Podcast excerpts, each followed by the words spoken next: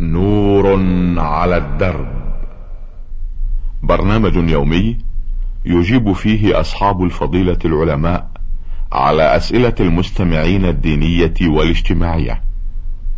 البرنامج من تقديم وتنفيذ سليمان محمد الشبانة. بسم الله الرحمن الرحيم. أيها الأخوة السلام عليكم ورحمة الله وبركاته. ومرحبا بكم في لقائنا هذا الذي نستضيف فيه سماحة الشيخ عبد الله بن محمد بن حميد رئيس المجلس الأعلى للقضاء ليجيب على أسئلتكم واستفساراتكم عبر رسائلكم. آه مرحبا بسماحة الشيخ. مرحبا بكم. آه هذه رسالة وردتنا من آه الأردن من ثانوية الزرقاء للبنين مرسلها محمد سويلم إعلامات. يقول في رسالته رجل تبرع بدمه لفتاة. كانت مصابة وبحاجة إلى دم. فأنقذ حياتها بإذن الله. فهل يحق له أن يتزوجها رغم أن الدم شريان الحياة قياسا على عملية الرضاع؟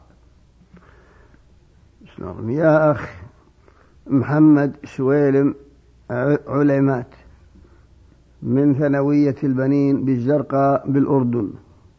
تقول إن رجلا تبرع بجزء من دمه لفتاة لإنقاذ حياتها. وفعلا أنقذ حياتها بما تبرأ به لها من من دمه. فهل يجوز لها له أن يتزوجها أم يكون من محارمها نظرا إلى اختلاط دمه بدمها؟ نقول لك يا أخي محمد يجوز للرجل أن يتزوجها. ولا تثبت المحرمية بمثل هذا الدم وإنما تثبت بالرضاع في الحولين. لما جاء أن النبي صلى الله عليه وسلم قال لا رضاع إلا في الحولين وكان قبل الفطام فالحديث يدل على اختصاص التحريم بالحولين. فإذا كان الرضاع بعد الحولين وبعد الفطام فلا تثبت به محرمية. فما ظنك برجل كبير تبرع من دمه لإنقاذ حياة تلك الفتاة؟ الحاصل أنها أجنبية منه ويجوز له أن يتزوجها وليس هو لها بمحرم والحالة هذه والله أعلم. أحسنتم. آه هذه رسالة من جمهورية مصر العربية بعث بها حسين عباس حسن آه يقول في رسالته لي زوجة وقد آه حلفت عليها يمين بالطلاق على المذاهب الأربعة وتحرم مثل أختي إذا وجدت معها أوراق محرمة بالسحر للحب أو الكراهية وأنا قد وجدت معها هذه الأوراق وأخذتها و يقول ذهبت بها إلى بيت أهلها ولها إلى الآن خمسة شهور. وقد توسط ناس لإرجاعها إلي. ولم أقبل إلا إذا سألت عنها في الدين من قبلكم إذا كانت لها رجوع أم لا. وقد حلفت عليها يمين قبل ذلك اليمين. ووقع على وقع عليها. ورديتها بالشرع الإسلامي. فأرجو من حضرتكم إفادتنا بذلك أفادكم الله بكل خير. يا أخ حسين عباس حسن من الجمهورية العربية المصرية. تقول إن لك زوجة وأنك حلفت عليها بأن قلت لها إن رأيت معك هذه الأوراق السحرية التي يتوصل بها إلى الحب فأنت طالق على المذاهب الأربعة وأنك حرام عليك أختي. نقول لك يا أخي حسين هذا خطأ لا ينبغي. ولكن ما دام أنك حرمتها على نفسك ووجدت معها أخيرا أوراق فالأولى تركها والابتعاد عنها. لأن المرأة ضعيفة العقل وما دام أنها صارت تتعاطى هذه الأوراق السحرية وتشامل الطلاسم والأشياء المحرمة فالأولى لك تركها والله يعوضك خيرا منها. أما لو فرضنا أنك تريدها فهذا فيه ظهار وهو تحريمك لها كأختك. فيه كفارة ظهار. عتق رقبة فإذا لم تجد فصيام شهرين متتابعين. فإذا لم تستطع فإطعام ستين مسكين. هذا بالنسبة إلى تحريمك لها تحريما كتحريم أختك. وأما طلاقك لها على المذاهب الأربعة فتريد عدم الالتفات إليها وعدم مراجعتها كأنك تريد ألا تراجعها. فإذا حكمت على نفسك ألا تراجعها فالأولى لك تركها بكل حال. لأن قلت على المذاهب الأربعة فالأحسن وأرى إبعادا عن الريب وابتعادا عن الشبه مع أنك طلقت وحرمت ظهارا فالأولى تركها والله يعوضك خيرا منها. نعم. آه من عفيف آه بعث بهذه الرسالة مهندس عفيفي عبد الحليم عفيفي. يقول آه، أرجو أن يسمح وقت برنامجكم الكريم على إجابة بعض الأسئلة التي آه، ضمنتها رسالتي هذه. يقول إذا وجدت الزوجة زوجها يزني بامرأة أخرى فما حكم الدين؟ وهل ينطبق عليها اللعان كما هو حق للرجل؟ يا أخ عفيفي عبد الحليم عفيفي من عفيف. تقول المرأة إذا وجدت إذا رأت زوجها يزني بامرأة فهل ينطبق عليها حكم اللعان؟ نقول لك يا أخ عفيفي عبد الحليم عفيفي لا. لا ينطبق عليها حكم اللعان. ف... فهذا الزوج لا خير فيه ما دام أنه يرتكب محرما فالزنا كبيرة من كبائر الذنوب. قال الله تعالى ولا تقربوا الزنا إنه كان فاحشة وساء سبيلا.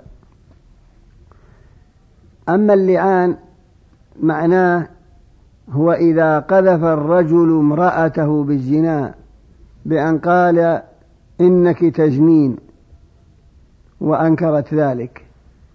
وجاءت بولد مثلا أو غيره لكنه رماها بالزنا وأنكرت وطالبت حقها لأنه قذفها فالزوج لا بد أن يجلد ثمانين جلدة أو يثبت أنها زنت أو يلاعن.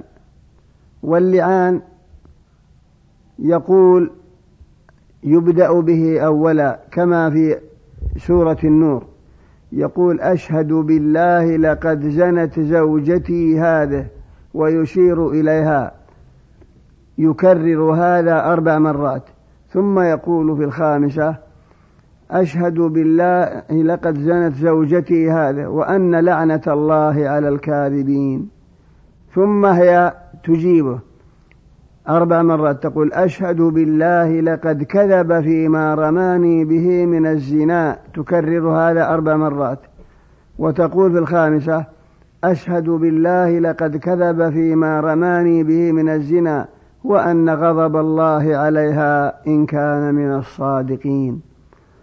والقاضي الذي يحضر اللعان يخوفهما ويقول لهما اتق الله فإن عذاب الدنيا أهون من عذاب الآخرة. فإذا تم اللعان حرمت عليه تحريما مؤبدا وسقط عنه حد القذف وانتفى منه الولد إن كان لعن لأجله. هذا هو اللعان أما مجرد نظر المرأة إلى زوجها يزني بامرأة أخرى فهذا لا يسمى لعان بل ينبغي أن يناصح إن قامت البينة غير الزوجة ثبت البين ثبت زنا بأربعة شهود فهذا يرجم حتى يموت أو أقر أربع مرات والشهود عندما يؤدون شهادتهم لا بد أن يقولوا رأينا الميل غاب في المكحلة على تفصيل مذكور في كتب أهل العلم والله أعلم. أحسنتم. أيضا يقول في رسالته إذا زنى رجل والعياذ بالله بفتاة بكر وحملت منه. أولا ما حكم المولود إذا اعترف الأب والأم بفعلتهما؟ وهل إذا تزوجها آه، تذهب فعلة هذه الزنا أم لا؟ وكيف انتساب الابن لهما؟ تقول إذا زنى رجل بامرأة وحملت منه من الزنا واعترف بأنه ولده هل يلحقه نسبه؟ لا لا يلحقه نسبه. ولا يرث منه لو مات حتى ولو تزوجها. فهذا الولد لم يكن شرعيا لا ينتسب إلى أبيه ولو اعترف به ولا يرثه لو مات. والأب لا يرث الولد لو مات الولد وخلف مالا. ما دام أنه خلق من مائه من الزنا ف فهذه الأبوة غير شرعية وهذا النسب لا ينت... ولا غير صحيح لا ينتسب إليه. ثم الزاني لا يجوز له أن يتزوج المزني بها إلا إذا تابت وأقلعت عن الذنب وعزمت على ألا تعود فلا بأس أن يتزوجها هو أو غيره. بعد التوبة منه ومنها والله أعلم. أحسنت. آه هذه رسالة من الأخت المواطنة الحائرة البكرية تقول آه أن لها مع زوجها 12 سنة عايشة معه في أحسن حال ولم ترزق بأولاد وقد تزوج بأخرى وانصرف عنها وتقول أنا أريد أولاد فهل لي أن أطلب الطلاق منه؟ لأني سمعت أن المرأة لا يجوز لها طلب الطلاق وقد أنجبت زوجته الأخرى له أولاد أفيدوني؟ جزاكم الله عنا كل خير. يا أخت الحائرة من البكرية تقولين إن لك زوجا بقيت عنده نحو اثني عشر سنة في حالة راحة وطمأنينة مع الزوج وأن زوجك أخيرا تزوج على امرأة أخرى فأنجبت له أولاد فانصرف إليها وأنت لم تأتي بأولاد. فهل يجوز أن تطلبي طلاقك من من أجل أن تطلبي الأولاد. نقول لك يا أخت الحائرة من البكرية أولا لا يجوز للزوج أن ينصرف عنك ويفضل الأخرى عليك بل يجب عليه العدل فيما بينكما. فإن رسول الله صلى الله عليه وسلم يقول من كانت له امرأتان فمال إلى إحداهما جاء يوم القيامة وشقه مائل. فيجب عليه أن يساوي بين زوجاته في القسم وفي كل شيء إلا الجماع فإنه لا يلزم أن يساوي بينهم بحيث إذا جامع هذه يجامع الأخرى. كما قال النبي صلى الله عليه وسلم اللهم هذا قسمي فيما أملك فلا تلمني فيما تملك ولا أملك. أما سؤالك له الطلاق فلا ينبغي فجاء في الحديث أيما امرأة سألت طلاقها من غير ما بأس لم ترح رائحة الجنة. إلا إذا كان هناك مسوغ به تطلبين الطلاق إما أنه انصرف عنك وتضررت فلا مانع أو تريدين أولاد فهذا لا يعلم هل تأتين بأولاد أو لم تأتي أو أنك عقيم. فالأمور بيد الله سبحانه وتعالى. لله ملك السماوات والأرض. يخلق ما يشاء يهب لمن يشاء إناثا ويهب لمن يشاء الذكور. أو يزوجهم ذكرانا وإناثا ويجعل من يشاء عقيما. إنه عليم قدير. فالمتعين أنك لا تسألين زوجك طلاقك بل عليك أن تصبري عند زوجك حتى تطيب نفسه منك ويفارقك وإذا تفرقتما فكما قال الله وإن يتفرقا يغني الله كلا من سعته أه لها سؤال آخر للأخت المواطنة الحائرة المبكرية تقول فيه هل يجوز آكل الحبوب في رمضان لمنع العادة لأجل أن أصوم الست مع الناس أم لا؟ تقولين يا أخت الحائرة من البكرية هل يجوز للمرأة استعمال الحبوب التي توقف الحيض أو تمنع من الحمل؟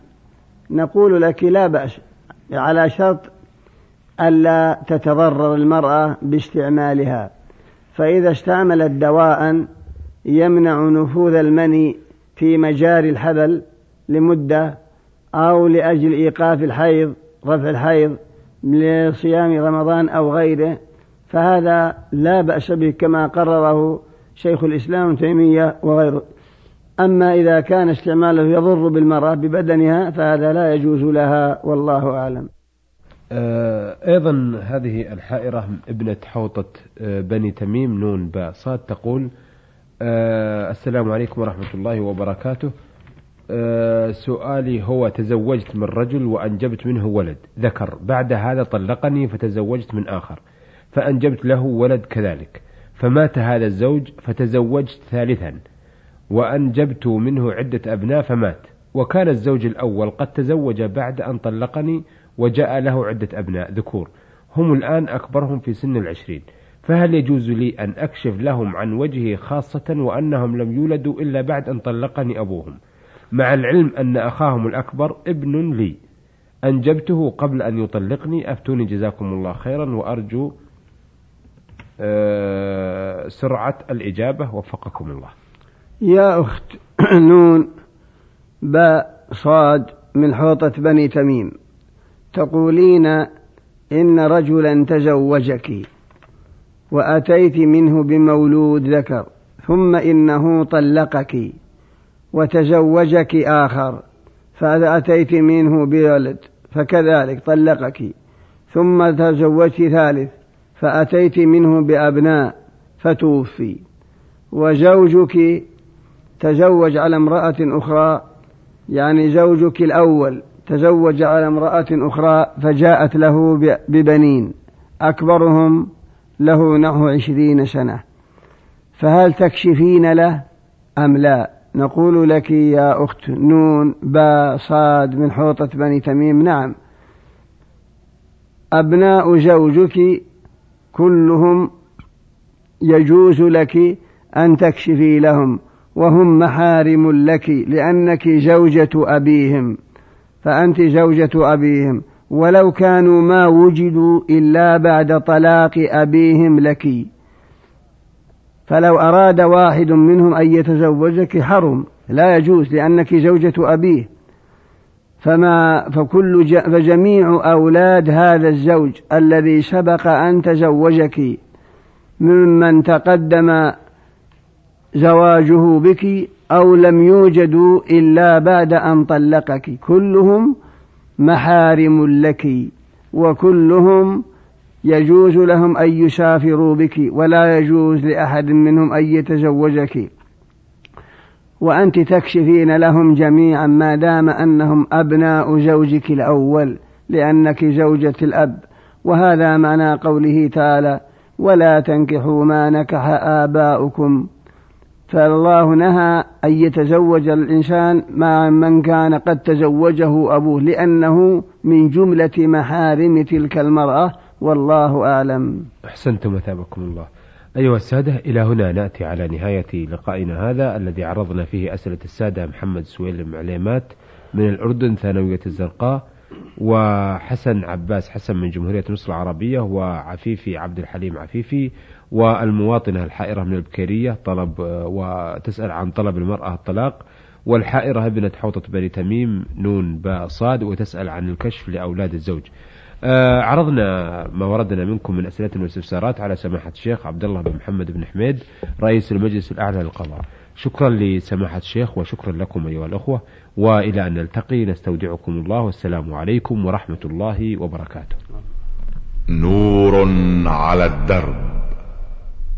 برنامج يومي يجيب فيه أصحاب الفضيلة العلماء على أسئلة المستمعين الدينية والاجتماعية. البرنامج من تقديم وتنفيذ سليمان محمد الشبانة.